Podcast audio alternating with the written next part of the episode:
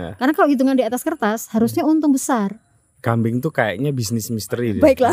Sejarah di atas kertas tuh kalau orang hitung kayaknya untung gitu. Hmm. Tapi banyak orang gagal bisnis kambing loh. Nah, betul. kan? Iya itu.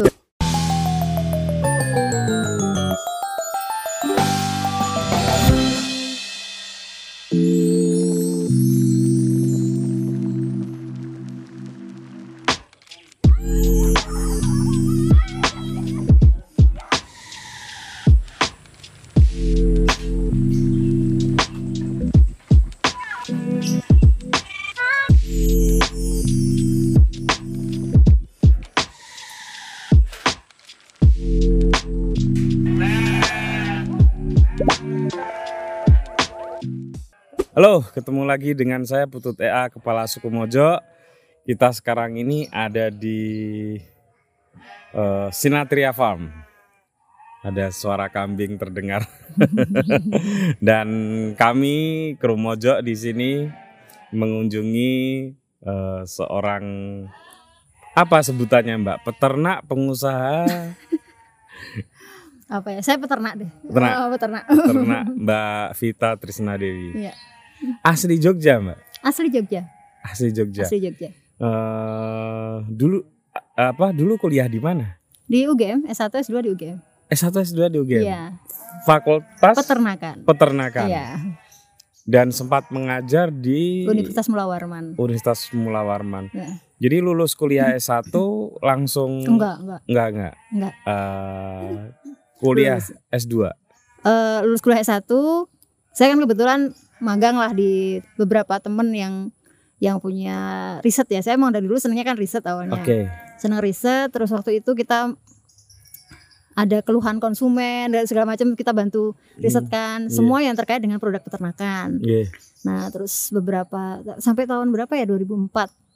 Nah, 2004 kebetulan ada rekrutmen besar-besaran kan CPNS waktu itu. 2004. Nah, eh, Oh, Anda masuk berarti 9 saya masuknya 94 Empat. S1-nya. S1-nya. Nah, eh, dan waktu itu belum ada syarat dosen itu harus S2.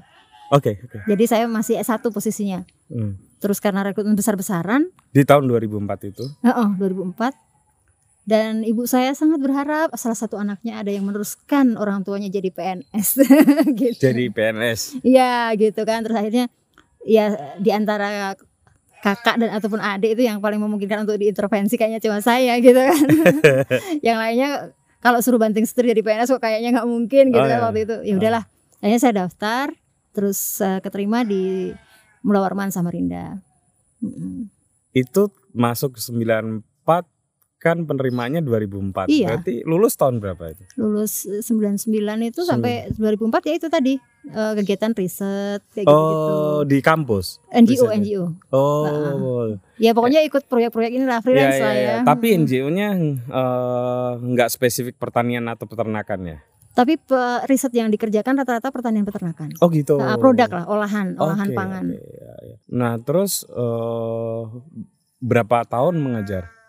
Sampai 2014 Terus kok kepikiran keluar atau gimana tuh prosesnya? eh, anak sakit. Ah, oke. Jadi anak sakit, saya butuh fokus banget lah waktu itu. Eh, Karena sakitnya itu istimewa banget kan. Oke. Eh, dia tiba-tiba Iya. matanya nggak bisa lihat gitu. Oh. Salah satu matanya, Anak pertama ini. anak pertama. Hmm. Dan ya dokter waktu itu glukom mungkin gitu. Hmm. Wah ya jangan langsung glukom bagi saya kan. nggak ada sejarah glukom di rumah saya juga kan.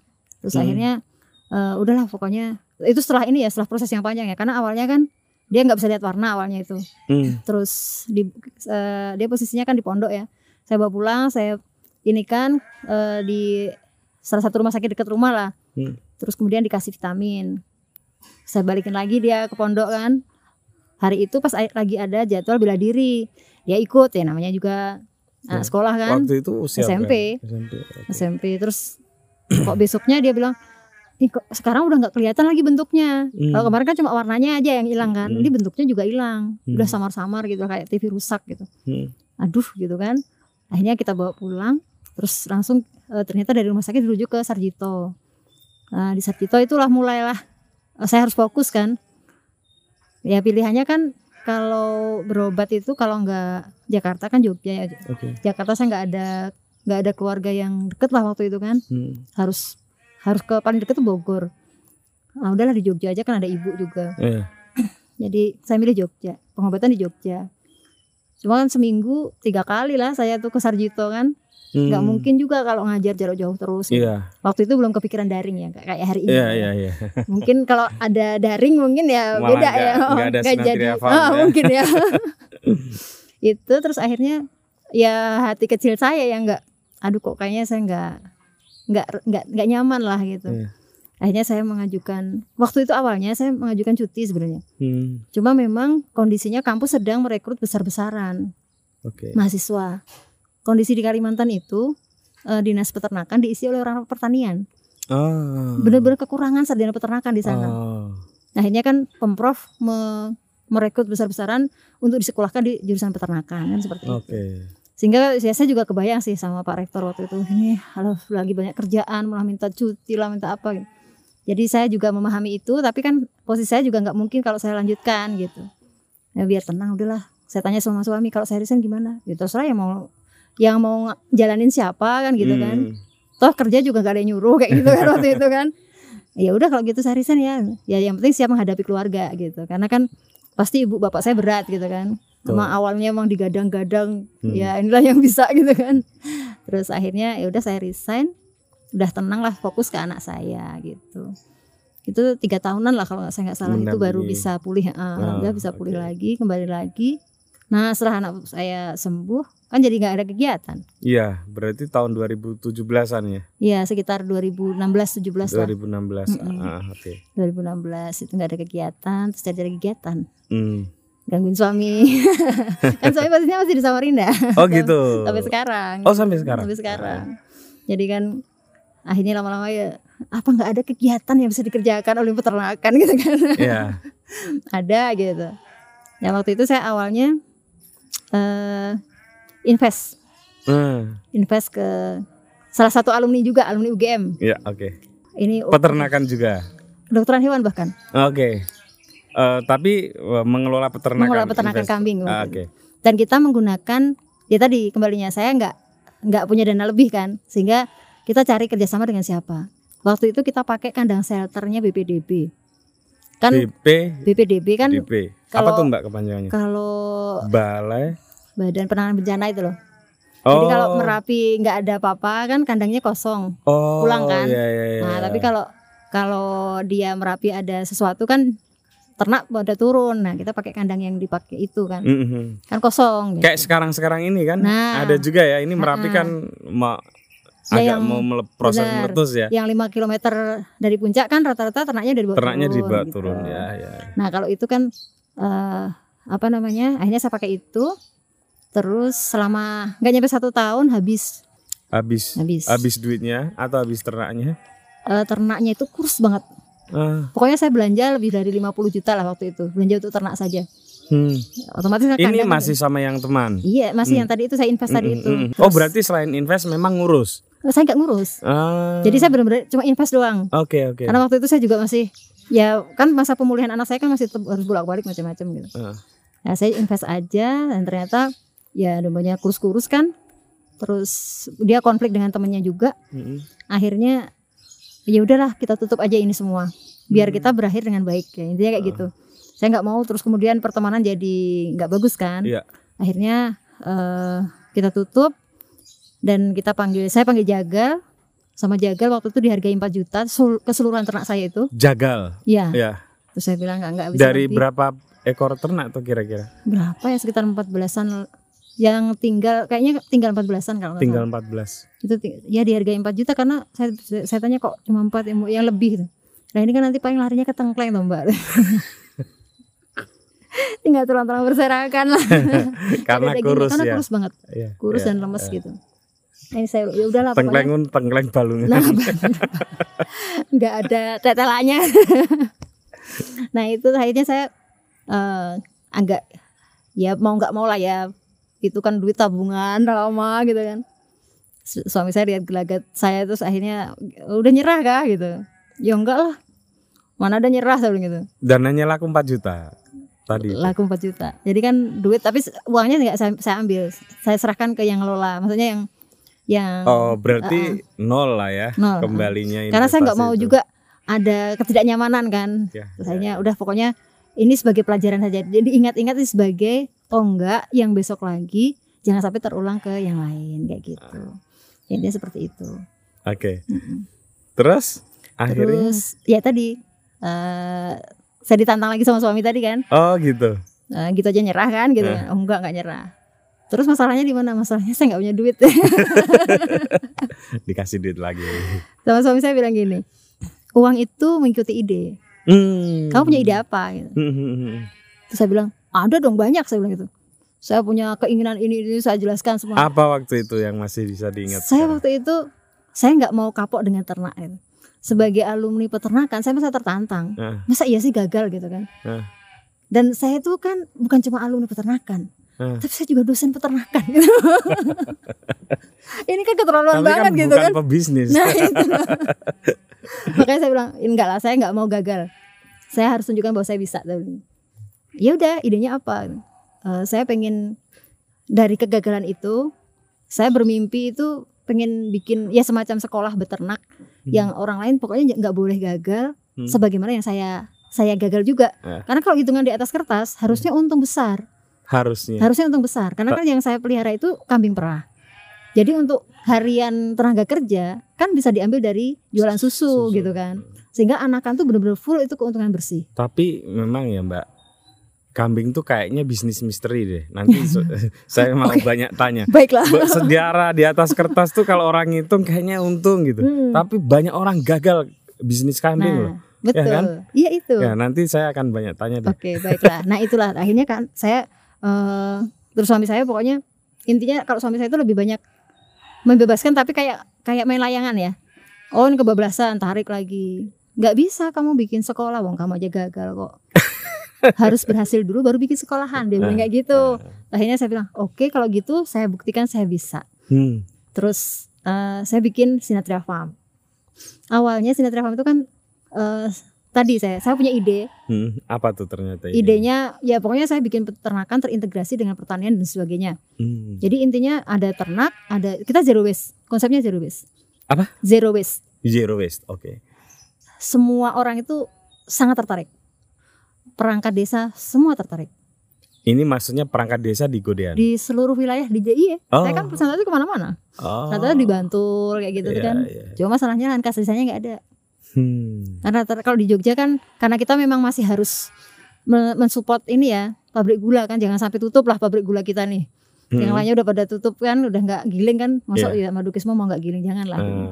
Jadi kalau di Jogja itu kan rata-rata untuk untuk tebu kan, untuk Kas tebu. desa. Ya, kas desanya untuk Ha-ha. tebu. akhirnya oh jangan menyerah. Udahlah pokoknya nanti kita Tapi kan itu daerah Bantul ya. Iya. Dan di sini juga rata-rata juga sama sih sebenarnya. Beberapa Atas ini banyak tebu juga. bukan enggak untuk tebu tapi untuk yang lain. Oh ya. nah, terus akhirnya udahlah nanti kita pasti akan dipertemukan dengan orang yang sevisi dengan kita gitu. Hmm. Hanya entah gimana ya waktu itu saya juga nggak kenal dengan Mas Wahyu kan. Hmm. Eh, beliau kaur sosial di sini. Hmm. saya jelaskan gini-gini cocok mbak dia bilang kayak gitu. Karena beliau kan membina Slemania kan?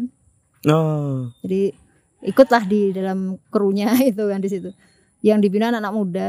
Terus ketemu Anda kar- karena Anda Slemania juga atau gimana? nggak nggak ini nggak apa ya istilahnya ya? Eh, nggak di skenario juga. Oke. jadi ya namanya orang kuntang lantung nih kayak kebingungan gitu. Nah ketemu lah sama orang yang siap nolong kan. Eh, nah akhirnya ketemu beliau terus kemudian beliau menawarkan pakai tanah pelunggu saya aja hmm. Nah, Karena dia kaur Dua. sosial. Iya, dia kan dapat jatah 8000 meter kan.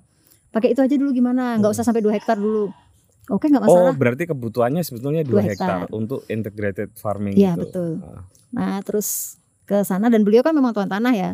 Rencananya Heeh. 8000 itu kan cuma tanah pelunggunya dia. Rencananya Hmm. kalau itu nanti udah jalan eh, tanah punya simbahnya itu yang satu setengah hektar nanti sekalian dipakai mbak dia bilang kayak gitu. Wah ya saya senang banget kan waktu itu. Hmm. Kita udah bikin master plan lah. Hmm. Ini nanti untuk apa, ini untuk Dan apa. semua suami siap membiayai. Ya nanti kan bertahap pelan-pelan lah. Oke. Karena bagi saya ya tadi ada aja kalau kita pas lagi punya keinginan itu yang saya, saya alami sampai hari ini ya. Ya. Kalau saya pengen apa ketemu aja. Hmm. Ketemu aja nanti saya ceritakan itu. Oke, sip sip sip. nah terus waktu itu kita udah bikin master plan macam-macam. Kita sosialisasi ke desa, ke RT, ke Pak Dukuh semua oke nah pas eh, ketemu dengan apa PKK itu ada salah seorang yang tidak setuju Justru PKK. Heeh, Hmm. dan beliau yang rumahnya paling deket kan dengan lahan Oh, karena mungkin efek bau ya. nah itu Heeh. terus saya bilang Bu saya itu S1 dan S2 nya UGM peternakan Hmm. saya akan usahakan nanti kandang saya nggak bau Bu. Hmm. mau UGM mau kampus mana pun di luar negeri Mhm. yang namanya ternak itu kalau beol tuh bau Iya. Iya. nggak salah masyarakat punya punya Cuman persepsi tinggal seperti jaraknya itu. aja kan yang membedakan ya. ya jarak sama metode, Metode, bagaimana iya. kita apa yang bisa kita lakukan biar peternakan kita nggak bau gitu. Iya betul. nah tapi kan tidak bisa masyarakat kemudian kita paksakan bahwa bisa loh kan nggak bisa kita harus memberikan bukti dulu akhirnya ya udah kalau saya nggak mau ini saya akhirnya pamitan sama Mas Wahyu kan Mas ini nggak nggak setuju jadi saya nggak jadi pakai ini Ini konteksnya lahan yang 8 yang 8000 itu. ribu meter itu. Oke. terus beliau bilang wah nggak bisa gitu Hmm. ini harus di wilayah saya Hmm. pokoknya harus di wilayah saya mbak saya carikan nih ya tapi saya pengen segera punya peternakan saya bilang kayak gitu kan terus beliau kasih saya waktu seminggu nah saya hanya dikasih tempat ini ini punya budenya beliau Hmm. udah pakai mbak tapi hanya memang 4000 meter siapa tahu nanti kalau saya ada lahan yang lain yang bisa direkomendasikan nanti bisa dipakai seperti Ah. itu Akhirnya dibangun di sini. dibangun di sini dan mimpi saya membuat integrated farming itu akhirnya berkolaborasi dengan teman-teman yang lain di sini ada pabrik benih ada yang Oh, termasuk pabrik benih di sana itu. ini. iya itu Ya. kan feses dari sini dimanfaatkan ke sana Oh. urin dan sebagainya jadi benar-benar kita eh, kerjasama kolaborasi dengan dengan teman-teman dan itu malah terasa sekali ininya ya kebahagiaannya lebih lah gitu mungkin kalau itu semua lahan ini punya saya mungkin apa sih kemanfaatan yang bisa saya berikan kan begitu Kenapa yang dipilih kambing? domba Eh, domba ya. ini domba Iya. Kenapa yang dipilih domba? Pertama kebutuhan. Kebutuhan daging domba di Jogja itu amat sangat tinggi.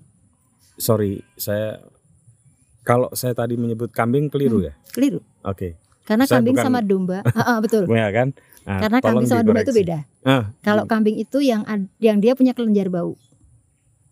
Telinganya panjang. Oh, kambing Jawa istilahnya. Nah, ada etawa, ada kambing Jawa, Ah, ini ini domba. itu ya. domba. Ini Kalau di kampung saya itu wedus gembel. Eh, nah, ya, udah bener ya? gembel betul. Nah, Dia masuknya genusnya ovis. Kalau itu kan kapra. Kalau oh, kambing beda nanti ya, beda ya, genusnya. ya, ya, ya. Nah, seperti Ta- itu. Balik tadi ini yang didahulukan gitu ya dipilih gitu karena Iya. banyak permintaan. permintaannya banyak. Ya sekarang lihat aja di sepanjang jalan Imogiri. Iya. Itu semua domba itu yang dibantai Nah, setiap hari itu. orang-orang yang mau bisnis kambing juga mikirnya gitu, Mbak. Hmm. Saat tempat sate banyak, tempat tengkleng Hmm. banyak, masa sih bisnis kambing eh, Hmm. bisnis domba lah ya, Hmm. bisnis domba nggak nggak berhasil tapi kenyataannya banyak yang nggak berhasil. Nah, Kira-kira apa tuh misterinya? misterinya adalah saya pernah ngalamin Hmm. bahkan di Sinatria Farm sekalipun Hah? tahun pertama saya gagal. Oke. Berapa ekor dulu? Tahun pertama itu ini kan kapasitas maksimal 250 ya kita kandangnya nih. 250. 250. Berarti sekarang ini ada 250. Enggak nyampe. Ini kan sebagian kita kosongkan bahkan kita jual-jual dulu lah nanti sampai kondisi Merapi oke. Oh, karena kondisi Merapi. Heeh. Oh iya. Artinya kalau evakuasi kan biar gak banyak-banyak gitu. Iya, iya. Nanti Tapi kalau- pernah ada di fase maksimal 250. 250. Iya. Heeh. Dulu tahun awal-awal bahkan ta- awal tahun 2020 pun kita masih posisinya segitu. Iya, ini kan Sampai sengaja karena Mm-mm. Merapi kan. Iya. Iya. Ya seperti itu. Itu awalnya waktu itu bahkan dengan jumlah nggak nyampe 100 saja itu saya gagal. Berapa ekor tepatnya? Saya tuh pernah ngalamin dalam empat hari berturut-turut kambing mati. Ya, domba saya tuh mati. Hmm. Satu hari satu hari bahkan yang yang mati itu induan bunting. Ada anaknya di dalam ketika kita bedah. Heeh. Ini S2 loh. Apa gitu. analisisnya? kok bisa gitu jadi akhirnya saya membuat kesimpulan eh, itu sampai di akhir 2019 ya Hmm. karena 2019 itu kan awal saya membuat pelatihan awal saya buat pelatihan dan saya benar-benar langsung sama suami saya disuruh berhenti jangan bikin pelatihan Hmm. Karena kalau kamu belum berhasil jangan coba-coba ngajarin orang gitu Betul. selalu seperti itu yang ditekankan suami iya saya sih. iya. walaupun suami saya dari Samarinda tahu lah dia apa yang saya lakukan di sini Oh, jadi waktu bikin itu pertama kali langsung bikin pelatihan. bikin saya 2018 Ini berdiri 2018. Saya Mhm. 2019 tuh memberanikan diri bikin pelatihan. Ah, Karena padahal saya- dalam posisi belum terlalu berhasil. Belum terlalu berhasil. Bagi suami saya belum terlalu berhasil. Karena kan beliau cukup tahu lah modal berapa, dia Hmm. kembali berapa kan dia tahu. Oh iya. Ini belum muter ini kayak Belum gitu nutup, kan. belum nutup. Heeh. Jangan dulu gitu. Pokoknya harus berhasil dulu. Terus visi awal tadi itu apa? Visinya kita itu kan memperbanyak indukan, memperbanyak stok, memperbanyak anak cempe-cempe ini kan. Mm-mm. Nah, sementara kan masih belum fokus ke situ gitu. Jadi waktu itu fokusan saya adalah pengemukan. Belum sesuai dengan target awal. Jangan coba-coba bikin pelatihan. Oke, Hmm. baiklah saya bilang gitu kan. Ya saya stop. Terus yang kedua, faktor yang kedua adalah em, akhirnya saya mengevaluasi diri kan. Apa sebenarnya faktor kegagalan saya? Kenapa kok ya kondisinya seperti ini, manajemennya kok seperti ini? Ya kembalinya ke SDM. Mm. Jadi SDM saya itu walaupun eh, saya kan lebih sering melibatkan anak-anak alumni fakultas peternakan berbagai kampus lah ya. Oke. Tapi kan ternyata kampus kita hari ini PR-nya adalah masalah eh skill ya, skill praktis. Mm. Karena kampus itu sifatnya masih metodologis, Oke. belum banyak praktek di lapangan. Mm, Jadi belajar domba dari buku Betul. dan lab ya. Saya kalau ada anak magang di sini ya, Mm. saya bandingkan anak magang dari kampus sama anak magang dari SMK. Mm. Uh, jauh Loh. gitu. Nah, Makanya saya kan selalu ngasih masukan ke teman-teman. Ayo Hmm. dong perbanyak. Saya ingat saya waktu saya kuliah dulu, saya lebih sering dapat memo dari dosen Mm. untuk saya magang ke mana, magang ke mana. Kenapa kok sekarang mahasiswa enggak? Mm. Semua dikejar target lulus cepat, lulus cepat. Terus kalau mereka lulus cepat, Jangan-jangan nanti sarjana peternakan spesialis domba belum pernah pegang domba. Nah, itu yang kita bahayanya kan di Iya, situ. iya, gitu. iya. Makanya terus eh, saya evaluasi coba apa sih masalah? Oh ternyata masalahnya bukan hanya masalah pemahaman ya kan, bukan masalah hanya masalah pengetahuan, enggak. Tapi juga masalah eh, ya karakter orang, skill, passion kayak gitu. Hmm. Itu yang yang saya alami. Dalam perkembangan selanjutnya, akhirnya saya udahlah jangan sampai teman-teman ngalami seperti saya. Akhirnya saya buka kelas. Dah. Karena saya tidak diizinkan bikin pelatihan kan, Mm. saya buka kelas. Sama saja. Tapi kan nggak bayar. Oh, kalau yang pertama bayar. ganti uang konsumsi, dua ratus ribu lah waktu itu bayarnya Oke. untuk dua hari Ya, ya, ya.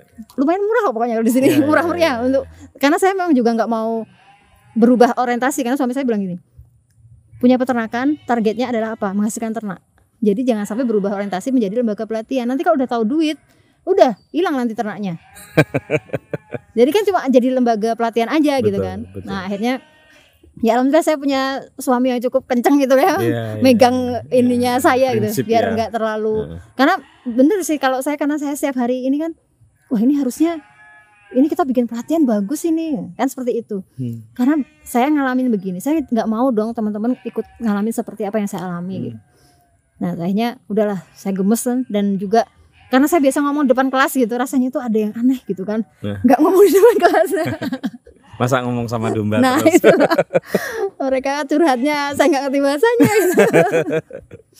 akhirnya ini saya bikin saya buka kelas gratis lah silahkan kalau mau ke sini Hmm. ketemu sama saya kita ngobrol terus magang juga gratis di sini magang gratis Iya. sebelum pandemi itu bahkan ada yang satu bulan magang di sini Hmm. tapi memang pulang langsung mereka bikin peternakan Iya. dan eksis ini hari, hari ini rata-rata sudah mereka udah bikin kandang kedua kandang ketiga kayak gitu Oh. padahal baru magang di Sinatria Farm kan sebelum pandemi Tadi bisa nggak diceritakan? Kan sempat gagal tuh. Mm-mm. Gagalnya itu karena apa dan bagaimana Hmm. eh, mengevaluasi kegagalan itu terus apa yang dikerjakan sehingga berhasil gitu. tadi masalah manajemen ya. Jadi manajemen saya tuh gelundung gelundung dan gelinding gitu. Hmm. udah jalan aja sudah. Dan saya kan orangnya nggak terlalu orang nggak enakan. Nggak orang nggak enakan tuh kan nggak cocok jadi pemimpin sebenarnya kan. Nggak Jadi kalau- cocok jadi pebisnis lebih enaknya. ah betul. Jadi kalau rugi ya udah deh kayak gitu kan.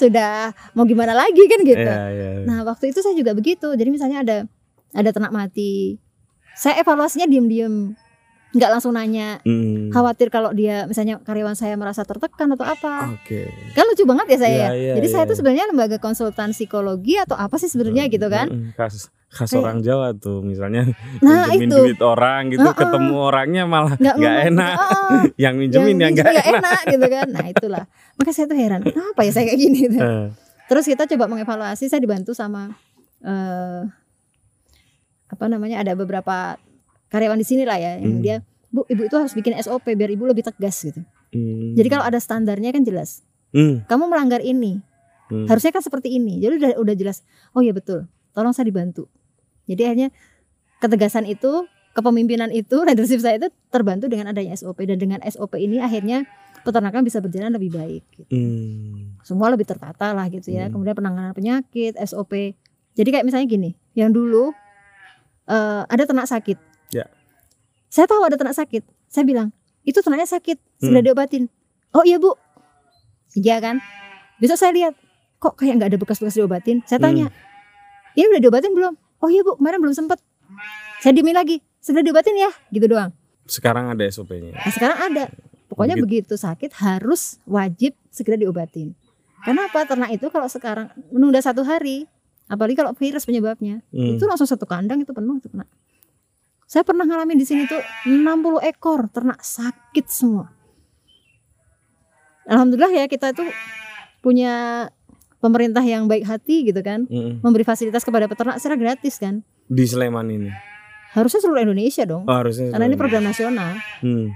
Ya pakai uang Apa tuh rakyat. nama programnya? Ya kita kan diberi fasilitas pos kesehatan hewan di seluruh Indonesia, Ah. setiap kecamatan Oke. dan semua peternak itu asal kita laporan di jam kerja itu pelayanan gratis semua, nggak perlu pakai BPJS lah. Kalau kita kebetulan pakai BPJS Semua kan, ternak ya? semua ternak, semua binatang lah maksudnya bahkan Wah, burung berarti bisa. belum bisa. Oke. Nah di itu Sleman itu berjalan ya? jalan. jalan Kita di, bagus di ya. Sleman aja ada 14 poskeswan kan. Hmm, hmm, hmm. Di Pakem aja kita, saya sampai ganti dokter ke- kepala poskeswan aja kan. Tetap kepala poskeswan begitu dia ganti, dia Mm-mm. silaturahmi ke peternak-peternak. Oh. memperkenalkan diri kan Ya, oke banget ya. Oke, oke banget. Oke. Makanya maksud saya fasilitas pemerintah kemudian pelayanan mereka itu Ah, bagi saya sih memuaskan ya sebagai Iya. peternak sebagai pelaku di lapangan. iya, iya. Nah itu gitu. Jadi SOP tadi kan kembalinya Oke. ke SOP kita bikin aturan main Aturan yang jelas. main lah ya. Betul. Sehingga itulah yang akhirnya mengikat semuanya. Hmm. Saya bisa tenang bertanya, mereka juga akhirnya punya rasa tanggung jawab karena kan seringnya memang saya memaafkan kalau oh ada ternak yang mati ya udah ada takdir mau gimana lagi kan Betul. mau saya marah juga dia nggak akan hidup lagi Betul. Yang penting nggak terulang lagi. Nah, itu Ya. besok lagi terulang. Ya besok yang penting jangan diulang ya. Hmm. Terulang lagi. itu karena nggak ada SOP. Ya, Nah, itu ya, yang ya. yang kemudian eh, saya mengajarin itu. Itu faktor kegagalan orang dari sisi manajemen di tengah perjalanan. Terus eh, faktor kegagalan yang yang yang lebih fatal itu sebenarnya faktor kegagalan di perencanaan. Hmm, apa itu? Ya, orang kan banyak cuma lihat di YouTube nih. Hmm, Sama, saya nonton iya Anda kan? juga di YouTube. Beternak domba tuh bagus ya. Ah, apalagi kalau pakai drone. Wah, keren banget ini. Ah, Terus bersih, bersih, nyaman. nyaman, Kayaknya bisa menguntungkan, tidur, ya kan? Kayak bagus banget ini. Tidur Prospektif di ya dekat kan? kandang kayaknya Nah, nyaman eh, saking eh, bersihnya. Tapi pada pada ini loh suka ngampar di sini bagi Oh, tikar. iya. Maksudnya karena- di dalam kandang Oh, sih saking kandang. bersihnya. nah, saya nggak mau kemudian ketika saya nyemangatin orang nih. Saya kan se- se- selalu berawal dari kedaulatan pangan. Sektor kambing domba ini adalah sektor yang belum terjamah oleh importir. Bener sih. Bahkan sekarang ekspor ya kita ya. Kita ekspor bahkan Ke India. India, eh, Malaysia, Timur Tengah, Bener, ke- Thailand. Ke, Timur Tengah ya benar. Nah ini kalau kita tidak pertahankan, padahal Hmm. ini adalah peternakan asli ya, punyanya rakyat Indonesia. Bener, bener. Nanti kita impor lagi gimana? Masa semua bahan pangan akhirnya impor kan? Iya, sapi, sapi impor. sudah impor, makanya Ah, itu. Ayam Ayam sih cuma jadi plasma. Plasma ya. Iya kan? Dan Ya, harga ada sangat perusahaan besar ya, betul. pakan besar lah kita Nah, tahu ya. Nah Ya, ini oke. masuk kambing domba juga iya sih. Hmm.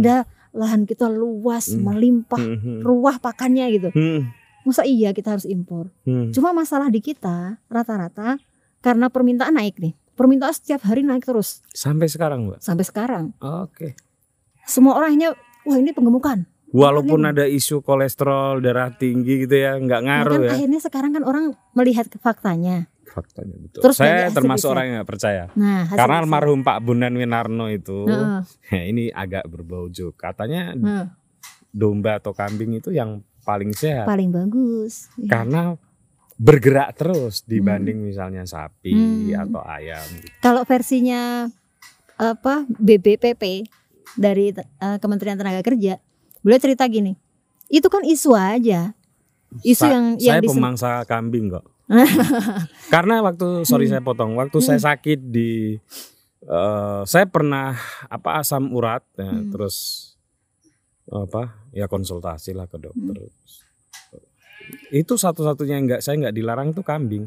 Hmm. Walaupun sekarang sudah nggak ya asam urat Mm-mm. kan semua bisa ditreatment kalau rajin olahraga, Iya. makan diatur gitu.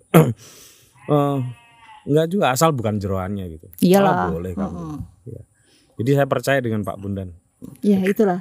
Ya. Dan gitu propaganda aja biar kita bisa bisa import sapi. Oh gitu. Katanya begitu. Saya sih belum, Mungkin sih, belum ini sangat juga. mungkin hal-hal kayak gitu. Dan kan ini ya, kalau kambing domba ini peternakan yang tidak bisa diintervensi siapa pun sebenarnya. Oh, Mau diintervensi pakan kayak ayam, nggak bisa. dari daun-daun. Orang dia dilepas aja hidup kok. Oh, betul, Iya kan? Betul, betul. Kalau sapi oke lah, mau nggak diintervensi memang susah diintervensi juga. Hmm. Cuma kalau sapi itu kan pakannya harus banyak, Hmm. nggak semua orang mampu. Nggak seorang. Sehingga ada alasan lah ini Dari stok bibitnya kurang. juga Nah, mahal. Betul. ini stok makin menipis, bla impor. Iya. Tapi kalau ini kan lucu kalau kita impor. Ya, ya, ya. Nah, cuma masalahnya tadi permintaan meningkat, Hmm.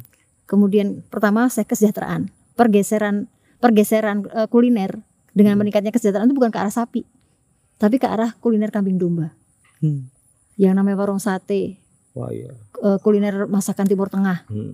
itu Hmm. menjamur sekarang. Benar. Apalagi Jogja. Nah, apalagi Jogja Aduh. luar biasa. Harga memang harga domba tertinggi di Jogja. Jogja ya, Jogja, itu surga kambing. bener itu. Kuliner ya. Kuliner, kuliner, kuliner. kambing. Ini kalau tidak diimbangi dengan breeding Hmm. bahaya. Tidak diimbangi dengan pengembang biakan.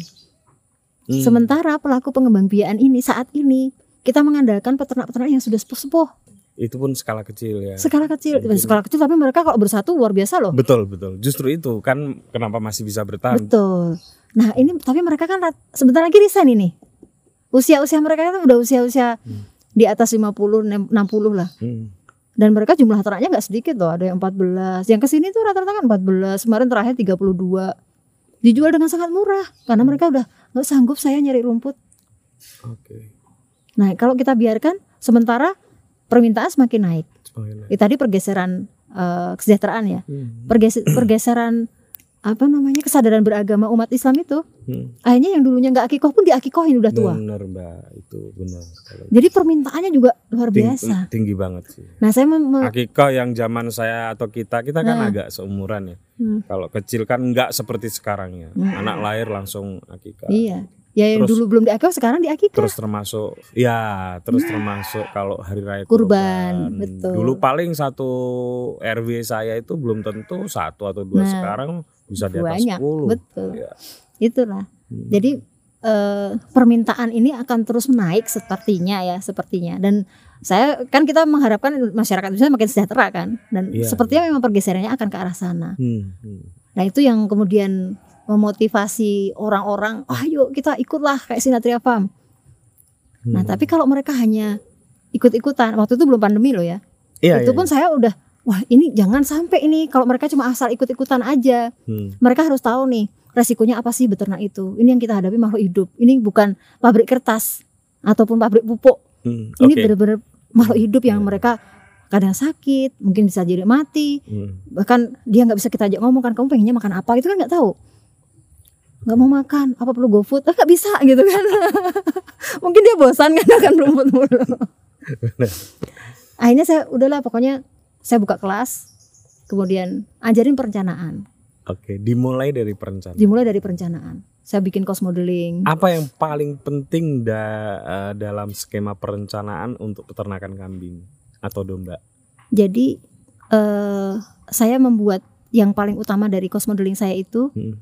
Proyeksi Hmm. forecasting ya jadi forecasting sama eh, kapan BEP Hmm. Itu Apa yang paling komponen yang paling penting di situ? di situ ada lahan kandang Hmm. dan paling besar ya ternak. Nah, lahan ini yang persoalan kan. Nah lahan itu kan saya biasanya eh, makanya kan kalau kalau ngobrol sama saya itu custom banget nih. Ya. Kayak kita bikin mau bikin sepatu ukuran berapa gitu kan ukuran Oke. uk- bentuk kaki Oke. sama dengan optika. Ini tadi dua tadi satu dari dia pegawai eh, TKI ya TKI yang pas lagi pulang Hmm. satu lagi orang orang Jakarta dua orang dengan karakter eh, finansial yang berbeda Ah, yang satu dia punya lahan luas Hmm. tapi dananya sedikit Hmm. yang satu dia nggak punya lahan, dananya gede. Gede. Sehingga ketika membuatkan cost modelingnya, financial plan-nya, Hmm. pasti akan berbeda. Makanya Oh. mereka akhirnya nggak gabung. Ya udah Pak, tunggu dulu ya Pak, saya buatkan yang ini dulu. Hmm. Saya jelaskan ini yang eh, punya nggak uang sebanyak ini. Kan lahannya emang nggak nggak Hmm. cukup. Oh, saya lahannya cuma waktu itu tadi bilangnya berapa sih? 1300 berapa. Oke, kita buat ya. Eh, ini kira-kira berapa? Berapa ekor peliharanya? Terus dananya sekian. Terus akhirnya istrinya ngitung-ngitung. Bisa kita bisa. Ada di angka ke- keekonomiannya eh, ternak domba ini itu kalau kita melihara berapa dan itu butuh luasan tanah berapa? Jadi kalau kita pengen menggaji dengan layak karyawan kita Menggaji layak ya. Itu 120 120 ekor. induan. Oke. Ini kita bicara breeding ya. Ya, ya, ya. Soalnya kalau kita bicara fattening Hmm. itu perputaran lebih cepat Itu pengemukan. pengemukan, Hmm. lebih cepat. Jadi kita bisa menggaji karyawan dengan hitung-hitungan yang lebih singkat lah. Tapi Oke. kalau breeding Hmm. ya kita memang harus hitungannya jelimet ya. Hmm. Dan nafasnya panjang.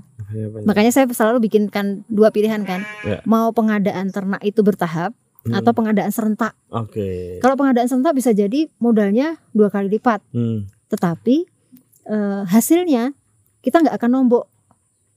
Hmm. Jadi mulai bulan pertama pun kita sudah bisa gaji karyawan karena tadi ya kita sudah punya pengadaan serentak. Hmm. Tapi kalau bertahap, jadi bulan ini kita ngadain eh, betina yang dia eh, siap dikawinkan, Heeh. dikawinkan, dia Heeh. bunting bulan depan kan. Ya. Besoknya kita adakan lagi seperti itu. Itu lebih murah. Oke. Tapi kita nafasnya panjang, bunting bunting lima bulan ya kan. Hmm. Terus dia lahir, habis itu disusuin tiga bulan. Hmm. Terus kan nggak mungkin habis disusuin tiga bulan disapi langsung dijual. Biasanya dia masih stres. Hmm. Kayak di sini tuh biasanya kalau disapi kandang dibuka. Kandang induknya juga dibuka. Hmm. Nanti dia turun kalau lagi kangen sama induknya kan, Oh. turun ke sana, ditendang-tendang sama induknya, balik lagi sini. Ah, Gitu aja. ya, ya. Kan belum bisa kita lepas. Biasanya kita lepas di usia 4 bulan atau lima bulan. Anggaplah lima bulan. Berarti kan selama 10 bulan kita nggak ada penghasilan dari ternak.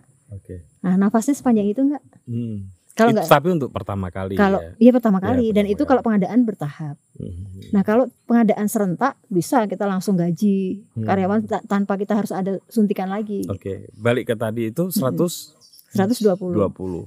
120. Luasan tanah Luasan tanah. Aduh, saya nggak bawa laptop.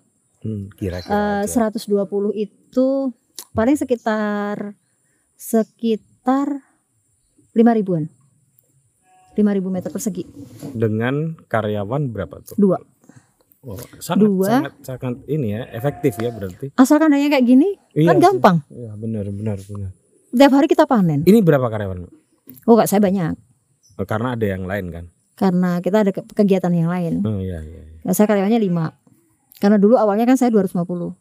Iya. Pokoknya saya per 80 ekor Hmm. satu orang, per 80 ekor satu orang. Berapa kira-kira dengan punya kambing 120 Mm-mm. ekor itu perputaran uangnya yang bisa omsetnya lah gitu. Omsetnya Per bulan saya harus supaya pemirsa harusnya. ya. dan pendengar bisa dapat gambaran. Jadi gini, kalau 120 ekor indukan itu kan per bulan berarti ada 15 induk yang lahiran. Oke. Total cempe yang bisa kita jual itu 22 ekor, Di usia berapa sih Mbak dijual tuh cempe? 5 bulan. Oh, oke. Nah, jadi tinggal dikalikan aja. Umur 5 bulan kalau jenisnya teksel ya mungkin kita bisa jual dengan harga 800. Hmm. Tapi kalau jenisnya ekor tipis mungkin ya 600-an ya kan. Hmm. 400 bahkan kalau yang betina. Ah. Tapi kalau yang jantan kan bisa sampai 1 juta. Nah, Hmm. rata-rata 600 lah. 600 dikalikan 22 Jadi sate-sate itu di sini rata-rata 5 bulan 6 bulan ya. Oh. gitu. Itu dari jualan ini ya. Kalau 120 ekor itu bisa produksi fesesnya ini Hmm. itu bisa sampai sekitar 5 karung 5 karung per hari. per hari. Basah. Ya nggak sama urinnya. Urinnya Nggak kan sa- terpisah. Urinnya terpisah. Ya. Jadi ya yang nggak basah malah Itu enteng. sebetulnya bisa dijual lagi. Per karung itu 25.000 Dan kita nggak pernah numpuk. Selalu habis. Selalu habis. Permintaan tinggi. Permintaan tinggi. Hmm. Anggaplah kalau di sini 100 misalnya. 100 itu 4 karung per hari. Jadi setiap hari saya menghasilkan uang 100 ribu dari feses. Satu bulan 3 juta Hmm. dari fesesnya. Belum urinnya, Belum urinya berapa? urinnya. Tergantung siapa yang akan nyedot. Karena masing-masing beda. Yang dibawa ke Jawa Barat itu cuma 150 apa 200 gitu Ah. harganya per liternya. Tapi kalau yang kita kirim 200 rupiah iya, Ah, kalau kita kirim ke Kalimantan jadi 700. Cuma memang nggak rutin. biaya. Eh, Ya pokoknya kita, Kita- sediakan aja mereka udah sediakan penyedot sendiri ini sendiri. Mereka Oh. sendiri yang ini. Kita nggak Orang Kalimantan itu nyari air kencing kambing di sini. mau bikin POC kan, Iya. mau uji coba bikin POC waktu itu. Nah. Nah kalau yang sudah rutin yang Jawa Barat ini, Jawa Barat kan selalu datang. Oke, tadi itu perencanaan. Mm-mm. Balik lagi ya. Setelah Iya. perencanaan apa tuh? Jadi kegagalan perencanaan ini Hmm. akhirnya orang hanya punya ekspektasi tinggi, tapi dia tidak mempertimbangkan tadi itu loh. Mhm, Ini modalnya seharusnya seberapa sih? mhm. Jadi orang mungkin harusnya modalnya 200 misalnya, Hmm. tapi karena dia punyanya 100, dia udah merasa ini uang saya udah banyak nih. Hmm. Dia maksain. Akhirnya pas di tengah perjalanan, kok saya masih masih nyupret terus sih? Saya masih bayar terus sih? Ya karena, tidak menyesuaikan. skala betul. perencanaannya ya, ya. Ya, jadi harusnya kan sejak awal, oh Hmm. dana saya sekian, Oke. lahan saya sekian, Hmm. sini saya bantu merencanakan. Hmm. Makanya di sini custom banget tadi itu, Hmm. karena memang masing-masing orang akan berbeda. Hmm. Dan itu eh, saya biasanya kalau ikut kelas kan, Hmm. kelas pagi, siang, oh udah itu kayak kerumunan. ini saya kasusnya seperti ini gini-gini. Masing-masing akan beda-beda. Nanti kalau misalnya mirip, saya kumpulkan das sini aja. Saya jelaskan prinsipnya seperti ini. Saya buatkan cost modeling itu, mereka tinggal ngisi klik-klik aja dua angka saja. Nanti yang lainnya udah udah sa- sampai belakang itu sudah Problem yang lain adalah luasan lahan kan. Iya luasan lahan. Nah, Kaitannya kan nggak gampang juga tuh sekarang nyari lahan 5000 5.000. hektar tuh nggak gampang. Ya kalau untuk 120 kan. Hmm. Tapi kalau Artinya bisa di skala kecil juga. Bisa, bisa. Terus eh, biasanya saya gini. Pertama modal sama lahan. Saya nggak punya lahan tapi modal saya gede. Betul. Sekarang dari item modal ini, Hmm. apakah dia bisa kuat sewa lahan? Hmm. Kalau sewa lahan kayak saya lah, minimal 10 tahun. Hmm. Jadi Sewa lahan tuh rata-rata berapa sih Mbak kalau di Jogja aja? Kalau sekarang kalau saya nggak salah harganya sekitar 2000 per meter. 2000 per meter per, Per tahun, tahun, ya. Sebetulnya nggak terlalu tinggi ya. Enggak lah, Hmm. untuk ukuran Jogja. Ya betul. Apalagi kalau di untuk produktif produk eh, untuk untuk hal yang produktif ya. Dan ini kan nanti akan masuk di ketika kita menentukan harga. Eh, Iya kan? Ya, dia akan masuk di overhead ya. Ya, ya. Nah, seperti itu. Sehingga itu nanti item-item itu, nah itu yang akan kita pelajari di situ gitu. Iya, Sehingga kita tidak salah membuat harga, kita tidak salah. Saya tuh nggak peduli orang di luar jual berapa. Saya jualnya segini, mau ambil nggak ya silahkan Oh gitu. gitu. Iya, saya nggak terpengaruh dengan harga di luar. Saya pernah jual teksel berat eh, 120, saya jual 8 juta. Nah bagi saya itu sudah untung loh. Saya Itu diomelin itu lebih murah dari pasar atau lebih jauh, murah? jauh lebih murah. Jauh lebih Loh, murah. hitungan kalau misalnya per per kilo misalnya Hmm. waktu itu kan Idul Adha saya jualnya. Ya, ya. Per kilo anggaplah 80 80 aja. Hmm. Dikalikan 120 itu udah berapa? Eh. Udah udah 10 juta lebih kan? Betul. Apalagi kalau cuma dikalikan 70 itu udah lumayan lah, tapi saya jual 8 juta. Itu pun kita antar sampai lokasi. Merino juga begitu. Ya, ya. Orang bilang, ini rusak harga nih, rusak harga. Tapi ada juga ternak saya yang saya jual buntingan kan, induk bunting saya jual harga tiga setengah juta. Mana ada bunting tiga setengah juta? Ada 2 juta ada di sini. Nah sekarang lihat dulu ke Sinatria Farm. Hmm. Ini loh yang 3 juta ada, kita tiga juta setengah kayak ini. Oke. Yang 2 juta kita juga punya. Tuh yang itu. Nah mau milih yang itu apa yang ini? Hmm. Oh iya ya betul. Baru kayak gitu karena ya dunia gelap ini kan. Kalau kita lihat langsung ternaknya baru kita tahu oh kenapa harganya segini dan kenapa Iya, harganya segitu. Tapi memang saya tidak terpengaruh. Kalau pasar nggak mau ngambil silahkan. Orang saya di sini sebenarnya jualan cempe kan, bukan jualan induk. Kita bilang gitu. Betul. Gitu. Cempe pun nggak mengikuti harga pasar ya. Kalau yang kiloan yang ngikutin. Oh, berapa Mbak cempe? Kiloan itu karena saya nggak jual betina ya. Cempe oh, usia lima bulan tadi Iya, rata-rata bulan. berat berapa sih? Kalau teksel ya sekitar 20-an, 20-an kilo. Kalau ekor tipis ya mungkin 15-an. Hmm. Kalau yang betina itu kan harga kiloannya sekitar 40. Hmm.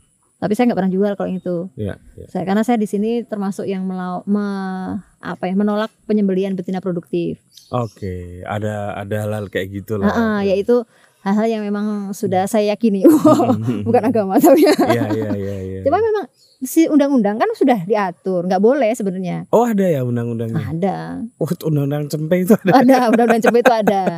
Undang-undang nomor 41 tahun 2014. Wah, berat, berat. Itu ada larangan menyembelih betina produktif. Ah. Kenapa? Kalau betina produktif disembelih nanti siapa yang produksi Hmm, cempe kan? sih, iya.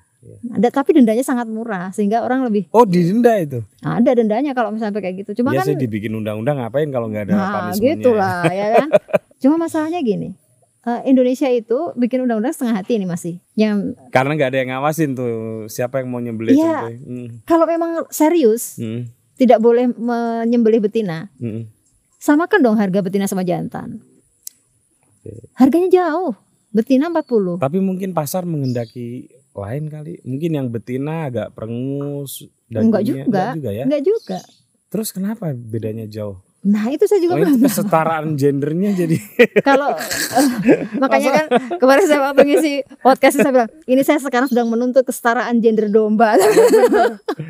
padahal nggak ada bener mbak nggak ada bedanya. Enggak ada. Ya mungkin cuma sisi pertumbuhan. Tapi kan kalau hitungan kiloan kan sebenarnya lebih Iya, diuntungkan kalau- kalau kita beli jantan, iya, ya kan? kalau kiloan kan nggak ada urusannya Betul. dengan Jantan laki. itu 60 sampai 75 bahkan Ah, per kilonya. Kan nggak adil banget kan ini. Saya menuntut kesetaraan ini. Anggaplah per bulan dia orang eh, menyembelih 100 ekor misalnya. 100 ekor itu kan berarti per hari dia cuma nyembelih 3 3 atau sampai 4 ekor kan per hari. Warung sate kita banyak yang nyembelih segitu. Oh banyak. Iya rata-rata sampai 10 ekor kan.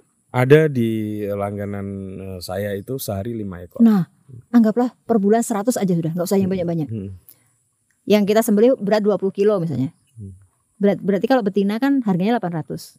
Iya. Kalau jantan harganya 1.200. Kalau 60 misalnya. Iya kan? Marginnya 400 ribu loh. Benar. Dikalikan 100 ekor. Benar. 40 juta. Duit kan itu. Sebagai seorang pengusaha kuliner, milih mana? Jantan sesuai dengan undang-undang atau betina? Ya betina. Iya betina lah. Hitungan bisnisnya nggak masuk.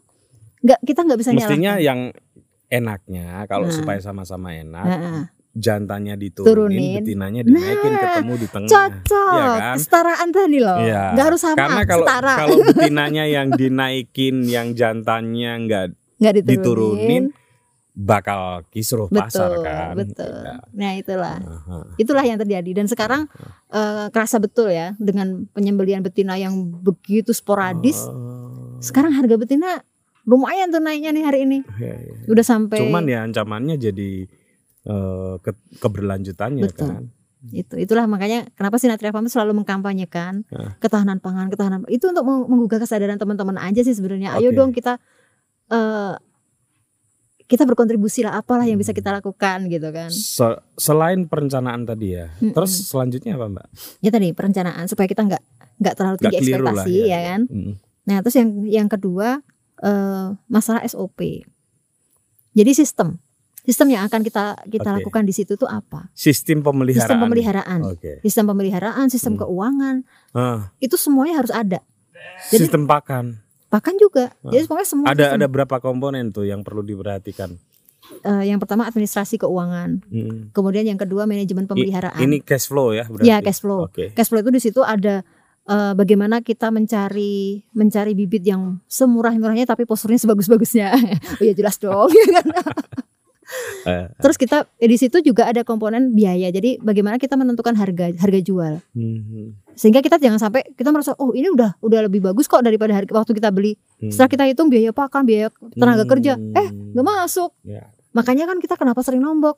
Itu yang terjadi di peternak kita. Oh. Dia cari karyawan, rasa-rasanya saya jual banyak, tapi kok saya masih nombok ya? Oke. Ya karena di situ. Ah, ah, Itu kan. Hmm. Itu terus manajemen pemeliharaan. Hmm. Ya tadi SOP tentang penanganan penyakit, kemudian pakan, Hmm. kemudian eh apa lagi ya yang lainnya? Sanitasi, kandang dan sebagainya. Hmm. Itu manajemen.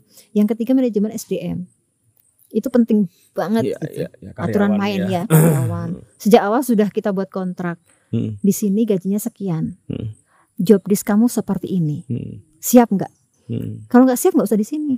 Kalau siap, ayo kita Ini- Ini bareng-bareng. kayaknya tegas tuh tadi. Iya itu di awal. Nanti kalau sudah di tengah terlalu banyak inilah gitu ya. terlalu banyak permakluman lah. Ya itulah saya memang kayak gitu orang. Saya orangnya apa adanya. ya, ya, ya. Tapi kalau pas lagi nggak tegaan beneran bener-bener nggak Iya, tega iya. gitu. Nah itu manajemen ya. Jadi sistem yang kita yang kita buat Oke. manajemen pemeliharaan, Hmm. tadi keuangan, terus eh, ada lagi bagaimana kita membuat sistem yang ada di peternakan kita ini apa ya? Kalau di sini kita men- menyebutnya kekeluargaannya. Hmm. Jadi saya lebih lebih menekankan karyawan itu benar-benar happy. Gimana tuh caranya bikin karyawan Iya. happy? bekerjalah dengan bahagia gitu. Hmm. Jadi contohnya gini, eh semua karyawan di sini Hmm. tidak hanya memahami divisinya sendiri, Hmm. tapi juga divisi yang lain. Kenapa? Karena di sini kan ada jatah libur satu kali dalam satu pekan. Hmm. Anggaplah ini yang hari ini libur kan Senin itu sarpras ya, Hmm. sarpras. Terus yang lainnya nggak paham dengan kerjaan sarpras. Kalau ada kerusakan di hari ini, Sarpas itu sarana prasarana. sarana prasarana. ya. Kan Kalau ada kerusakan, semua tahu. besok harus besok. Ya Nah. enggak. Kalau ternyata dia mengancam ternak, Ah, kan harus dikerjakan dikerjakan. betul. Kalau ternyata yang divisi yang lain itu tidak memahami pekerjaan ini, dia akan mengatakan, ah ini kan pekerjaan si sarpras, ah ini kan gini. Ya. Dia tidak bekerja dengan tenang dan bahagia Iya, enggak. iya. Itu Jadi- salah satu hal yang bisa membuat orang bahagia. Benar. Nah makanya Hmm. saya saya selalu mengatakan kalau di sini kita harus menjadi satu keluarga. Hmm, Satu nggak ada kita backup. betul. Jadi nggak nggak harus walaupun tadi di awal ada SOP Hmm. ini pekerjaannya, tapi tidak kemudian pelaksanaannya sesaklek itu. Kalau memang yang bagian ini nggak masuk bagian pakan saya Pak Ari nggak masuk nih, Dan, masa ke- ternaknya dan kebahagiaan karyawan itu berkontribusi bu- juga pada kebahagiaan kambing nggak? sangat. Itulah Ah. kenapa di sini wajib happy. Hmm. Karena kalau ada yang nggak nyaman, Hmm. korbannya ke ternak. Ternak juga jadi, Jadi. Eh, misalnya ada ternak yang sakit misalnya, Hmm. sakitnya parah gitu. Hmm. Yang nggak happy silahkan pulang, tenangkan pikiran, jangan masuk. Soalnya ngaruh nih ke ternaknya. Sampai kayak gitu ya. Ya saya sampai kayak gitu, Hmm. makanya sampai Tapi memang kelihatan lah mestinya ya. kelihatan. Kalau ya. Karena kan orang kalau nggak happy mungkin dia ada masalah di rumah atau apa Hmm, gitu kan. Hmm, Kan kerja juga nggak nyaman. Dia Hmm. mungkin nggak tenang lah ngasih. Hmm. Ternaknya juga ngelihatnya kan ini ngapain sih? hmm. Oh, kok nggak sayang sama aku sebenarnya ya gitu kan. Hmm. Ngasih makan cuma gini-gini doang. Bersihin juga apa nggak nyapa-nyapa. Ternak juga Mungkin. punya perasaan. Nah, itulah gitu kan. Nah, saya kalau di sini menekankan itu. Jadi eh, selain sistem yang saklek-saklek tadi ya, Ya, aturan-aturan main yang tegas itu Oke, kita juga tadi- diimbangin dengan ya. itu. berarti tadi eh, perencanaan, terus sistem, terus ada lagi yang lain. Ya, yang lainnya adalah inovasi. No, Apa tuh misalnya inovasi? Jadi kita kalau eh, salah satu cara kita bertahan itu kan inovasi ya. Oh ya. ya. Tapi kalau inovasi kambing, eh domba, Ya, contohnya gini, kenapa Sinatria Farm? Sinatria Farm kan usianya cuma baru 2 tahun ya. Iya. Sampai saya tuh ditanya, strategi marketingnya gimana sih kok sampai dikenal banyak orang? Ah, Aduh. Sorry, sebelum be- berlanjut ke sana. Kalau di kampung saya soalnya orang bisa tuh ternak. Hmm, Di kampung saya itu di Rembang sana, Mbak. hmm, Tapi saya tahu ini bukan hanya terjadi di sana. hmm. Mereka itu kalah dengan Blante. Kalau di sini ada. Sama. Nah, gimana tuh mengatasi persoalan kayak gitu? Begitu dibawa ke pasar, bisa loh. Kambing itu nggak laku, Mbak. Iya. Bisa. Bawa lima, Hmm. ya nanti udah siang masa mau dibawa pulang lagi. Hmm, Kalah dengan persekongkolan betul. Belante. Dan bulan T itu kalau udah di Kayak pasar hewan, mafia oh loh. betul. Yang persoalannya saya sih nggak ada masalah dengan tata niaga Mm-mm. seperti itu. Tapi kan rugi nih petani kan memelihara dan lain sebagainya kan udah punya hitungan lah. Hmm, Walaupun tidak tidak sistematis seperti Mm-mm. yang di sini ya. iya. Itu gimana tuh mengatasi? Salah satu ca- cara yang kita ini kan ya. eh, kalau di sini ya, Hmm. awal ide awalnya tadi, saya juga tidak punya tidak punya ekspektasi waktu itu bahwa kita akan terkenal itu enggak. Pokoknya saya menyelesaikan masalah dulu. Hmm. Masalah adalah bau. Gimana Hmm. caranya peternakan saya nggak bau? Karena di mana pun berada nanti saya akan diprotes kalau tetap bau. Hmm. Jadi masalah utama yang saya selesaikan adalah masalah bau. Hmm. Ngobrol sama suami, suami punya ide gini gini gini. Oke kita jalankan, kita kita uji coba terus sampai kita ketemu seperti ini. Hmm. Nah setelah kita ketemu seperti ini, kebetulan namanya juga anak-anak muda kan, yang ngelola sinetron kan anak muda. Iya. Terus kemudian dia upload lah di YouTube, upload lah di Oh, IG. oke. Nah orang banyak membicarakan. orang Jadi banyak pedagang datang lah yang eh, pasar lah yang datang. pasar lah yang datang. Ya. Pasar tuh rata-rata end user, pe- End user, pedagang kulinernya. end yang- user. heeh. Oh, iya, iya, iya. Orang yang peternak baru, Mhm. kemudian eh, apa Dengan namanya? begitu mata rantainya lebih Betul. pendek ya. Akhirnya ya Hmm. ya paling akhirnya yang nggak suka dengan kita adalah yang biasa jadi perantara kan gitu loh. Iya, tapi nggak bisa ngapa-ngapain juga Nggak kan. bisa ngapa-ngapain. Toh ini hubungan langsung yang Betul. adil kan. Benar. Iya sih. Dan Oh. kita bisa menaikkan harga Hmm. sedikit. Ah. End user bisa dapat harga yang lebih Iya, rendah. sama-sama untung. Sama-sama Iya, untung. iya, iya. gitu. Nah terus eh ya ini kan sinatria nih. Hmm, Nanti kalau peternak baru gimana gitu kan? betul. Makanya yang kita- kemudian kita lakukan sehari ini adalah kita membuat jaringan. Kita punya namanya Sinatria Community. Hmm. Sinatria Community itu membernya 100 lebih lah sudah. Karena tidak 100 peternak. 100 peternak lebih. heeh. Itu di seluruh Indonesia. Seluruh, Dan alhamdulillah seluruh Indonesia. eh, semua yang kemudian menyatakan sebagai alumni Sinatria, Sinatria Farm itu banyak dikunjungi pasar. Ada nggak sih Mbak eh, yang alumni dari Sinatria Farm yang bahkan lebih gede dari Sinatria sendiri? Sampai hari ini belum. Cuma Belum. kalau yang rencana bikin kandang skala besar banyak, Oke. oke. banyak. Dan itu saya senang banget Ya, ya. karena permintaannya luar biasa besar dan Hmm. tapi saya tidak sanggup memenuhi. Hmm. Ada contohnya ya Sukabumi, terus Purwakarta. Hmm. Purwakarta itu 200 per bulan. Sukabumi ini yang luar biasa kan catering besar dia. Hmm. Per bulan dia membutuhkan 2000 pejantan Us. dan 1250 betina. Hmm. Nah, gimana ya? Saya aja di sini cuma punya segini kan. Berarti kan saya harus kolaborasi nih sama banyak peternak. Nah, peternak-peternak yang mau saya ajak kolaborasi, peternak tradisional, rata-rata mereka sudah di DP, sudah di DO sama bandar. Nggak bisa ngapa-ngapain, nggak bisa jual ke saya kan akhirnya. Oh. Kan dia udah di- dikasih, udah dibayar duluan sama Udah ini. Iya. Karena mungkin dia Oh. butuh apa waktu itu, akhirnya Eh, dia eh. nerima uangnya, Iya. tapi nanti ternaknya terserah dia mau diambil berapa harganya. Iya, iya. Sebenarnya mereka mungkin bisa menjual dengan harga lebih tinggi, Hmm. tapi karena tadi ya sudah terlanjur ada Ya, DO tadi ya, itu, ya, ya. ya kita nggak bisa ngapa-ngapain.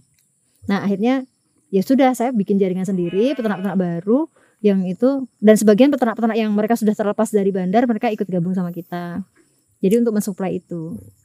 Saya coba eh, bikin simulasi ya Mbak. Mungkin Hmm. ada di luar sana ya anak-anak muda yang tertarik untuk Hmm. berbisnis eh, ternak domba. Misalnya Hmm. ada lima orang anak muda berkumpul Hmm, pengen bikin ternak domba. hmm, Eh, Masing-masing katakanlah bisa urunan gitu ya.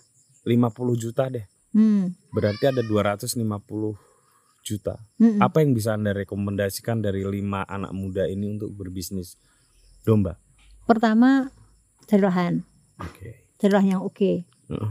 Terus nanti setelah itu kita rencanakan. Datang ke sini. Datanglah ke sini, Hmm. gratis kok di sini. Aha. Nah, kita belajar di sini magang. Yang jelas gini, banyak anak muda yang tertarik, apalagi nonton YouTube tuh. Wah pengen begini, ya udahlah, pengen coba dulu di sini. uji nyali, dulu. betul lah. Ada loh yang ah, datang hari pertama. Biasanya kan kita briefing itu, hari Minggu kita briefing. Nanti kita Hmm. bagi tugas, bagi kelompok.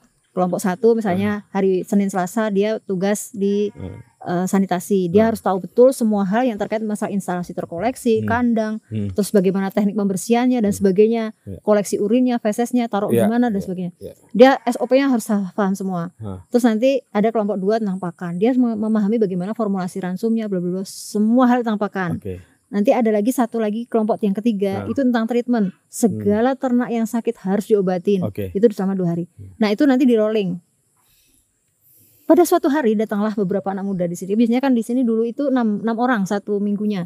Hmm. Nah karena waiting listnya banyak, akhirnya Sampai ada waiting list. iya kita posting di IG nggak nyampe 15 menit penuh untuk jatah satu bulan. Hmm. Akhirnya kita naikkan yang dulu 6 sekarang jadi 10. Nah pada suatu ketika ini ada anak muda yang dia jatah hari pertama langsung sanitasi. Begitu dia lihat, aduh, Feses. dia langsung pamitan. Oke. Padahal semangatnya pas awal pas briefing, oh. Tapi, nah makanya kan saya bilang ke sini aja dulu Iya. daripada udah terlanjur keluar dana kan, Iya. bikin kandang macam-macam. Eh ternyata bukan passionnya. Nah, tapi sorry, tadi balik ke an- lima anak muda Ha-ha. itu. Bisa nggak jalan bisnis itu dengan 250 juta dan dimiliki oleh lima orang? Bisa, Bisa ya. Artinya menguntungkan ya. Masih menguntungkan, cukup menguntungkan. cukup menguntungkan, Hmm, hmm. cukup menguntungkan. Karena nanti gini, kalau sudah kandang itu berdiri, Hmm. saya selalu mengatakan gini, kalau kandang itu berdiri, pasar akan datang pada kita. Waktu itu saya belum punya jaringan siapa pun. Hmm. Jadi saya cuma bikin kandang satu. Waktu itu kan kandangnya saya cuma baru satu ya. Bikin kandang, saya isi ternak waktu itu untuk Idul Adha kan pertama. Oke. Habis Idul Adha, Idul Adha kan begini. Ini saya mau apa ya sekarang? Udahlah, pokoknya cari bibit dulu aja dulu gitu. Kita gemukkan. Hmm. Baru satu bulan, belum nyampe satu bulan. Udah ditanya, ini kapan waktu jualnya? Nah, Artinya pasar itu Iya. besar. dan makin tadi ya permintaannya ah. makin tinggi. Makanya kalau udah bikin kandang nanti nggak cuma breeding, kita akan fattening, akan trading. Kalau lahan seluas ini tadi berapa? Kalau ini 4000. 4000 Mm-mm. dengan 250-an Mm-mm. ekor itu pakannya masih ngambil dari luar nggak? Iya kan 250 ekor itu yang 120 kita eh, penggemukan.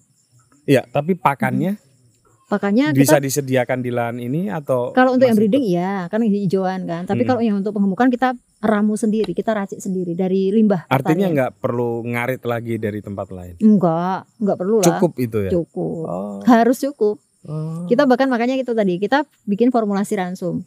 Hmm. Kalau misalnya ternyata oh tempat karena saya kurang, ya, Mm-mm. karena mungkin yang salah satu yang bikin malas atau bukan bikin malas ya, Hmm. bikin tantangan tersendiri kan ketika lahan itu Nyari. tidak lagi Uh-uh. menyediakan betul, hijauan ya. betul. Hmm. Kita biasanya stok. Ya kita stok. eh, oh ini kayaknya musim kering panjang nih. Hmm. Hmm. Sebelum musim kering tiba, kita biasanya sudah eh, kontak ke petani sekitar. Karena lahan kita nggak nggak nggak akan kita ubah jadi lahan jagung biasanya. Oh. Tetap lahan odot kan untuk Odot. pakan. Oh pakan sini ya odot. odot ya. Hmm. Odot pacong lah. Nah Hmm. kita minta petani. eh, saya butuh jagung umur satu bulan. Ada nggak yang mau menye- menyediakan? Hmm. Butuhnya berapa ribu meter bu? Nah biasanya kayak gitu kan. Beli berarti. Nah saya kemudian eh, saya beli saya bikin silase Hmm. dan itu masuk harganya, masuk ya. masuk harganya. Untuk daerah sini masuk. Cuma kemarin saya diceritain yang daerah Klaten itu per seribu meter eh, sampai lokasi dua juta setengah kan. Hmm. Saya tuh wah nggak masuk itu harganya saya terlalu mahal saya bilang. Hmm. Tapi kalau yang di sini alhamdulillah Sleman sih orangnya baik-baik ya. Jadi Iya iya iya. masih masuk lah harganya gitu.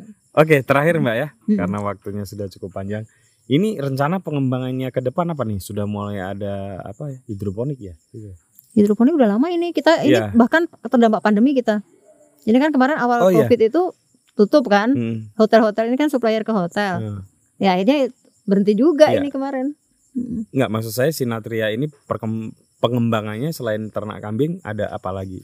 Sebenarnya mimpi saya tetap masih ada itu. Eh, Apa tuh? kita bikin semacam eh apa ya, semacam eduwisata lah. Hmm. Di situ ada kita belajar, Hmm. tapi belajarnya itu benar-benar benar-benar menyeluruh gitu. Kalau di sini kan kita baru belajar tentang ternak domba. Hmm. Integrated farmingnya kan belum dapat. Belum. Eh, masih bersama-sama dengan teman-teman sekitar. lah. Ya. Nah, saya pengen ada semacam satu wilayah yang terpadu gitu Hmm. dan bisa memuat indukan lebih banyak. Kalau bisa itu ya minimal 500 ekor lah, 500 ekor indukan. Indukan. Iya. Belum pengemukan. Ya, belum pengemukannya gitu kan. Hmm. Minimal 500 indukan. Seribu, seribu Apalagi bisa 1000. Hmm. Makanya kan yang sedang kita upayakan kemarin-kemarin kan Nggak, saya maksudnya selalu 500 indukan dan 500 pengemukan kali ya. Ya, bisa jadi. Bisa jadi akan sampai juga seperti kan itu. seribu tuh. Iya, karena permintaan kan luar biasa. Ya. Di sebelah sini ada kandang eh, dari farm yang lain. Hmm. Dia kandang shelter. Oh, bera- cukup berapa tuh? Dia itu supplier domba untuk area Jogja, Magelang, sama Solo. Pengemukan. Bukan pengemukan, shelter aja. Shelter aja. transit. Oh, transit aja. Oh. Betul. Dan beliau akan bikin enam kandang lagi. Beliau udah punya kandang di sini, ada kandang di Semarang, Jadi kan istilahnya kalau shelter tuh ngambil dari Solo dibawa ke sini. ngambil dari Jawa Barat bawa ke sini, Jawa Barat. Oh, rata-rata dari Jawa Barat. Jawa Barat. Jadi luar biasa. Untuk teman-teman di Jogja terutama ya, pot- Terutama apa Jogja. peluang ini gede banget ya. Loh, sekarang Jogja itu ngambil ternak dari mana? Kita ti- 3000 ekor. Bahkan sekarang bulan ini udah 4000 ya. 4000 atau 5000 bahkan. Dari luar kok Per hari. per bulan. Kita Yang- masih disuplai dari Oh, luar maksudnya untuk Sinatria, untuk area Jogja. area Jogja. Area Jogja, peternak apa namanya? Kuliner. Sate-sate itu. Itu eh, kambing yang yang Yang masuk yang ke masuk ke Jogja. Jogja per bulannya itu 4000. Bisa sampai 4000. Padahal peternak di Jogja kan udah banyak ya. Banyak, Bisa tapi kebayang belum banyak. belum bisa Ah. belum sanggup untuk mensuplai untuk memenuhi kebutuhan di sepanjang jalan Imogiri itu belum sanggup. masih nambah terus ya. Saya kan kemarin sempat jalan-jalan tuh ke Jawa Timur kan. Hah. Saya tanya, ini eh, biasanya pasarnya ke mana? Jogja bu? Iya. Hah Jogja? Di, di, diantar ke Jogja? Enggak, dikumpulin dulu di Wonosobo coba bayangin. Ini orang Jawa Timur kumpulin dulu di Wonosobo, Wonosobo. Jadi saya bayangin, oh ini berarti rantai keberapa? Mungkin bisa jadi ya harga sate kelata itu mahal mungkin karena itu tadi rantainya masih panjang. Ah. Nah kalau kita misalnya di Jogja, ayo dong beternak gitu. Saya selalu memotivasi teman-teman yang alumni Sinatria ya belajar di sini itu kan kita buatkan grup Sinatria Community. Sinatria Community oke, 100 orang saja yang ada di sini bikin kandang 10 un- 10 indukan. 10 dikalikan 100 orang. Itu kita sudah bikin 1000 ekor indukan. Berarti kita sudah bisa mensuplai berapa? Ya itu yang selalu saya motivasi ke teman-teman Satu supaya indukan tadi rata-rata berapa mbak melahirkan? kan lima bulan kan bunting Iya, lima bulan. Bunting lima bulan Heeh. melahirkan berapa? Ada satu, ada dua, ada tiga, bahkan ada empat. Ada empat. Kita kemarin tiga ya, tiga ekor. Alhamdulillah jantan semua. Ya. Bagus pakai Artinya kelas seribu kan bisa jadi melahirkan sekitar dua ribu. Bisa dua ribu, bisa tiga ribu. Tiga ribu. Oke. Tuh. Oke, Mbak Vita. Obrolannya masih kurang sih. waktunya tidak memungkin. Nanti kapan-kapan main lagi ke sini. Siap lah. Dan semoga obrolan kita menginspirasi ya teman-teman yang mau beternak domba Betul. dan di sini kayaknya mitos tentang orang nggak berhasil kalau ternak domba itu bisa dijawab lah ya. Siap. Karena itu tadi di atas kertas ternak domba itu sepertinya menguntungkan. Sangat menguntungkan. Begitu dipraktekkan pada banyak yang gagal. Nah, Dan semoga dengan datang ke Sinatria jangan hanya lewat YouTube ya bisa diselesaikan lah masalah itu. Terima kasih banyak Mbak Siap. Vita, sukses selalu. sama-sama. Amin. Ya. Terima kasih juga teman-teman Mojok. Oke gitu teman-teman ya. Eh, Kita ketemu lagi nanti lain waktu eh, di kunjungan yang lain.